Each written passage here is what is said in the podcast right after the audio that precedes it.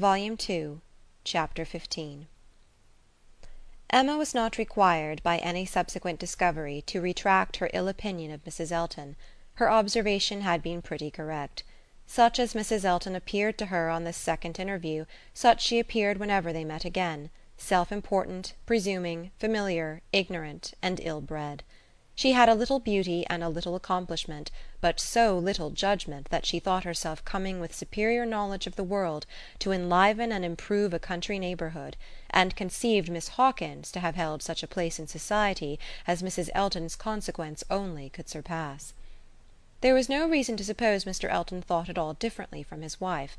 He seemed not merely happy with her, but proud he had the air of congratulating himself on having brought such a woman to Highbury as not even Miss Woodhouse could equal; and the greater part of her new acquaintance, disposed to commend or not in the habit of judging, followed the lead of Miss Bates's good will, or taking it for granted that the bride must be as clever and as agreeable as she professed herself, were very well satisfied so that Mrs. Elton's praise passed from one mouth to another as it ought to do, unimpeded by Miss Woodhouse, who readily continued her first contribution and talked with a very good grace of her being "very pleasant and very elegantly dressed." In one respect Mrs. Elton grew even worse than she had at first appeared. Her feelings altered toward Emma.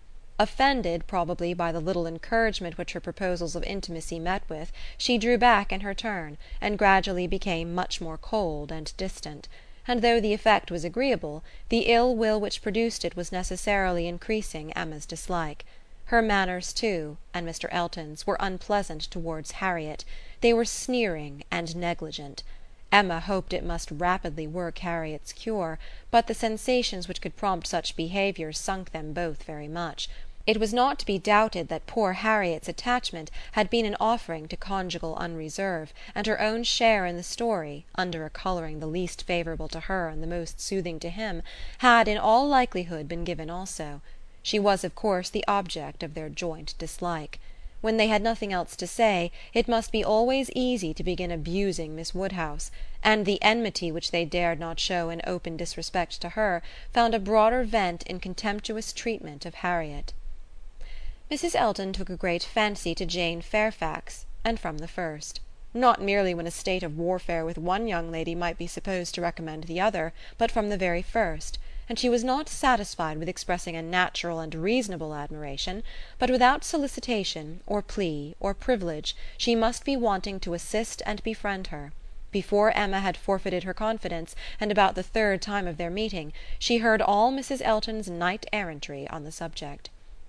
"Jane Fairfax is absolutely charming, Miss Woodhouse. I quite rave about Jane Fairfax. A sweet interesting creature; so mild and ladylike, and with such talents. I assure you I think she has very extraordinary talents. I do not scruple to say that she plays extremely well. I know enough of music to speak decidedly on that point. Oh, she is absolutely charming. You will laugh at my warmth, but upon my word I talk of nothing but Jane Fairfax; and her situation is so calculated to affect one. Miss Woodhouse, we must exert ourselves and endeavour to do something for her; we must bring her forward; such talent as hers must not be suffered to remain unknown. I dare say you have heard those charming lines of the poet, "Full many a flower is born to blush unseen, And waste its fragrance on the desert air." We must not allow them to be verified in sweet Jane Fairfax." "I cannot think there is any danger of it," was Emma's calm answer; "and when you are better acquainted with Miss Fairfax's situation, and understand what her home has been, with Colonel and Mrs. Campbell, I have no idea that you will suppose her talents can be unknown."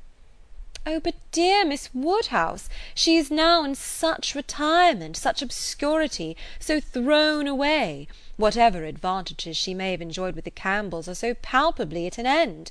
And I think she feels it. I am sure she does. She is very timid and silent; one can see that she feels the want of encouragement. I like her the better for it. I must confess it is a recommendation to me. I am a great advocate for timidity, and I am sure one does not often meet with it; but in those who are at all inferior it is extremely prepossessing. Oh, I assure you Jane Fairfax is a very delightful character, and interests me more than I can express." "You appear to feel a great deal but I am not aware how you, or any of Miss Fairfax's acquaintance here, any of those who have known her longer than yourself, can show her any other attention than My dear Miss Woodhouse, a vast deal may be done by those who dare to act. You and I need not be afraid. If we set the example, many will follow it as far as they can though all have not our situations. We have carriages to fetch and convey her home, and we live in a style which could not make the addition of Jane Fairfax at any time the least inconvenient. I should be extremely displeased if Wright were to send us up such a dinner as could make me regret having asked more than Jane Fairfax to partake of it. I have no idea of that sort of thing. It is not likely that I should, considering what I have been used to; my greatest danger, perhaps, in housekeeping may be quite the other way, in doing too much, and being too careless of expense. Maple Grove will probably be my model more than it ought to be, for we do not at all affect to equal my brother, Mr. Suckling, in income. However my resolution is taken as to noticing Jane Fairfax, I shall certainly have her very often at my house, shall introduce her wherever I can, shall have musical parties to draw out her talents, and shall be constantly on the watch for an eligible situation. My acquaintance is so very extensive, that I have little doubt of hearing of something to suit her shortly. I shall introduce her, of course, very particularly to my brother and sister when they come to us. I am sure they shall like her extremely; and when she gets a little acquainted with them, her fears will completely wear off, for there really is nothing in the manners of either but what is highly conciliating. I shall have her very often indeed while they are with me, and I dare say we shall sometimes find a seat for her in the barouche landau, in some of our exploring parties." Poor Jane Fairfax! thought Emma. You have not deserved this. You may have done wrong with regard to Mr. Dixon, but this is a punishment beyond what you could have merited. The kindness and protection of Mrs. Elton! Jane Fairfax, and Jane Fairfax! Heavens! let me not suppose that she dares go about Emma Woodhousing me. But upon my honour there seems no limits to the licentiousness of that woman's tongue. Emma had not to listen to such paradings again, to any so exclusively addressed to herself, so disgustingly decorated with a "dear Miss Woodhouse." The change on Mrs. Elton's side soon afterwards appeared, and she was left in peace, neither forced to be the very particular friend of Mrs. Elton, nor, under Mrs. Elton's guidance, the very active patroness of Jane Fairfax, and only sharing with others, in a general way, in knowing what was felt, what was meditated, what was done. She looked on with some amusement. Miss Bates's gratitude for Mrs. Elton's attentions to Jane was in the first style of guileless simplicity and warmth. She was quite one of her worthies, the most amiable, affable, delightful woman, just as accomplished and condescending as Mrs. Elton meant to be considered. Emma's only surprise was that Jane Fairfax should accept those attentions, and tolerate Mrs. Elton as she seemed to do. She heard of her walking with the Eltons, sitting with the Eltons, spending a day with the Eltons. This was astonishing. She could not have believed it possible that the taste or the pride of Miss Fairfax could endure such society and friendship as the vicarage had to offer. "She is a riddle, quite a riddle," said she. "To choose to remain here month after month, under privations of every sort!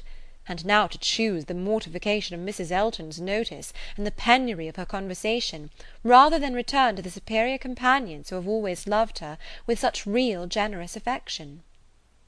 Jane had come to Highbury professedly for three months; the Campbells were gone to Ireland for three months; but now the Campbells had promised their daughter to stay at least till midsummer, and fresh invitations had arrived for her to join them there. According to Miss Bates it came all from her Mrs. Dixon had written most pressingly.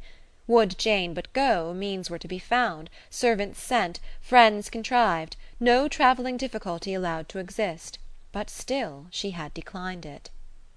"She must have some great motive, more powerful than appears, for refusing this invitation," was Emma's conclusion. "She must be under some sort of penance, inflicted either by the Campbells or herself. There is great fear, great caution, great resolution somewhere. She is not to be with the Dixons; the decree is issued by somebody; but why must she consent to be with the Eltons? Here is quite a separate puzzle." Upon her speaking her wonder aloud on that part of the subject, before the few who knew her opinion of Mrs. Elton, Mrs. Weston ventured this apology for Jane. "We cannot suppose that she has any great enjoyment at the Vicarage, my dear Emma; but it is better than being always at home. Her aunt is a good creature, but as a constant companion must be very tiresome. We must consider what Miss Fairfax quits, before we condemn her taste for what she goes to." "You are right, Mrs. Weston," said Mr. Knightley warmly. Miss Fairfax is as capable as any of us of forming a just opinion of Mrs. Elton. Could she have chosen with whom to associate, she would not have chosen her. But," with a reproachful smile at Emma, "she receives attentions from Mrs. Elton, which nobody else pays her." Emma felt that Mrs. Weston was giving her a momentary glance, and she was herself struck by his warmth. With a faint blush she presently replied, such attentions as Mrs. Elton's, I should have imagined, would rather disgust than gratify Miss Fairfax. Mrs. Elton's invitations I should have imagined anything but inviting." "I should not wonder," said Mrs. Weston, "if Miss Fairfax were to have been drawn on beyond her own inclination, by her aunt's eagerness in accepting Mrs. Elton's civilities for her. Poor Miss Bates may very likely have committed her niece, and hurried her into a greater appearance of intimacy than her own good sense would have dictated, in spite of the very natural wish of a little change." Both felt rather anxious to hear him speak again, and after a few minutes' silence he said, "Another thing must be taken into consideration too. Mrs. Elton does not talk to Miss Fairfax as she speaks of her. We all know the difference between the pronouns he or she and thou, the plainest spoken amongst us; we all feel the influence of a something beyond common civility in our personal intercourse with each other, a something more early implanted. We cannot give anybody the disagreeable hint that we may have been very full of the hour before. We feel things differently; and besides the operation of this as a general principle, you may be sure that Miss Fairfax awes Mrs. Elton by her superiority both of mind and manner, and that face to face Mrs. Elton treats her with all the respect which she has a claim to. Such a woman as Jane Fairfax probably never fell in Mrs. Elton's way before, and no degree of vanity can prevent her acknowledging her own comparative littleness in action, if not in consciousness. "I know how highly you think of Jane Fairfax," said Emma. Little Henry was in her thoughts, and a mixture of alarm and delicacy made her irresolute what else to say. "Yes," he replied, "anybody may know how highly I think of her." "And yet," said Emma, beginning hastily and with an arch look, but soon stopping it was better, however, to know the worst at once she hurried on, "and yet, perhaps, you may hardly be aware yourself how highly it is. The extent of your admiration may take you by surprise some day or other." Mr. Knightley was hard at work upon the lower buttons of his thick leather gaiters, and either the exertion of getting them together, or some other cause, brought the colour into his face as he answered, "Oh, are you there? But you are miserably behindhand. Mr. Cole gave me a hint of it six weeks ago." He stopped. Emma felt her foot pressed by Mrs. Weston, and did not herself know what to think. In a moment he went on, "That will never be, however, I can assure you. Miss Fairfax, I dare say, would not have me if I were to ask her, and I am very sure I shall never ask her." Emma returned her friend's pressure with interest, and was pleased enough to exclaim, "You are not vain, Mr. Knightley. I will say that for you." He seemed hardly to hear her; he was thoughtful, and in a manner which showed him not pleased, soon afterwards said, "So you have been settling that I should marry Jane Fairfax?" "No, indeed, I have not. You have scolded me too much for match making to presume to take such a liberty with you. What I said just now meant nothing. One says those sorts of things, of course, without any idea of a serious meaning. Oh no, upon my word I have not the smallest wish for your marrying Jane Fairfax, or Jane anybody. You would not come in and sit with us in this comfortable way if you were married." Mr. Knightley was thoughtful again. The result of his reverie was, "No, Emma, I do not think the extent of my admiration for her will ever take me by surprise. I never had a thought of her in that way, I assure you." And soon afterwards, "Jane Fairfax is a very charming young woman, but not even Jane Fairfax is perfect. She has a fault. She has not the open temper which a man would wish for in a wife." Emma could not but rejoice to hear that she had a fault. "Well," said she. And you soon silenced Mr. Cole, I suppose?" "Yes, very soon. He gave me a quiet hint. I told him he was mistaken. He asked my pardon, and said no more. Cole does not want to be wiser or wittier than his neighbours." "In that respect how unlike dear Mrs. Elton, who wants to be wiser and wittier than all the world! I wonder how she speaks of the Coles, and what she calls them. How can she find any appellation for them deep enough in familiar vulgarity? She calls you Knightley; what can she do for Mr. Cole? And so I am not to be surprised that Jane Fairfax accepts her civilities and consents to be with her. Mrs. Weston, your argument weighs most with me.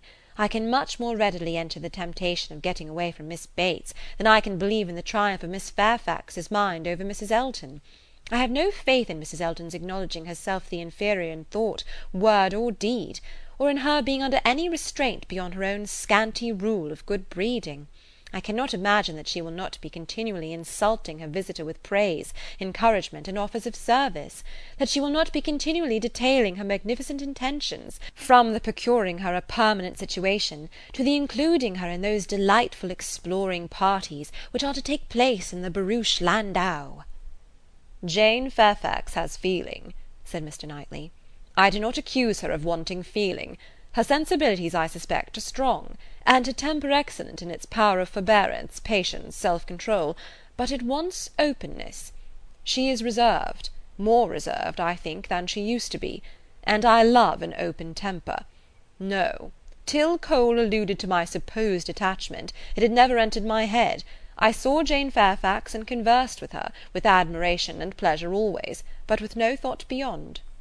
"Well, Mrs. Weston," said Emma triumphantly when he left them, "what do you say now to Mr. Knightley's marrying Jane Fairfax?" "Why, really, dear Emma, I say that he is so very much occupied by the idea of not being in love with her that I should not wonder if it were to end with his being so at last. Do not beat me."